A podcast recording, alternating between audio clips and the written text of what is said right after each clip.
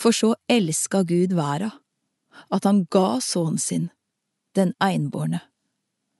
Så hver den som trur på Han, ikke skal gå fortapt, men ha evig liv.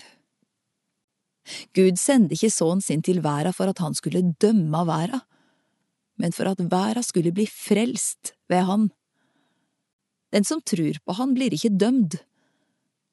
Den som ikke trur, er alt dømd fordi han ikke har trudd på navnet til Guds einbårne sønn. Og dette er dommen.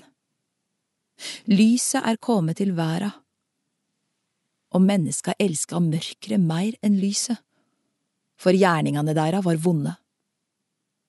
For den som gjør det vonde, hater lyset og kjem ikke til lyset, så gjerningene hans ikke skal komme opp i dagen. Men den som følger sanninga, kjem til lyset, så det skal bli klart at gjerningene hans er gjorde i Gud.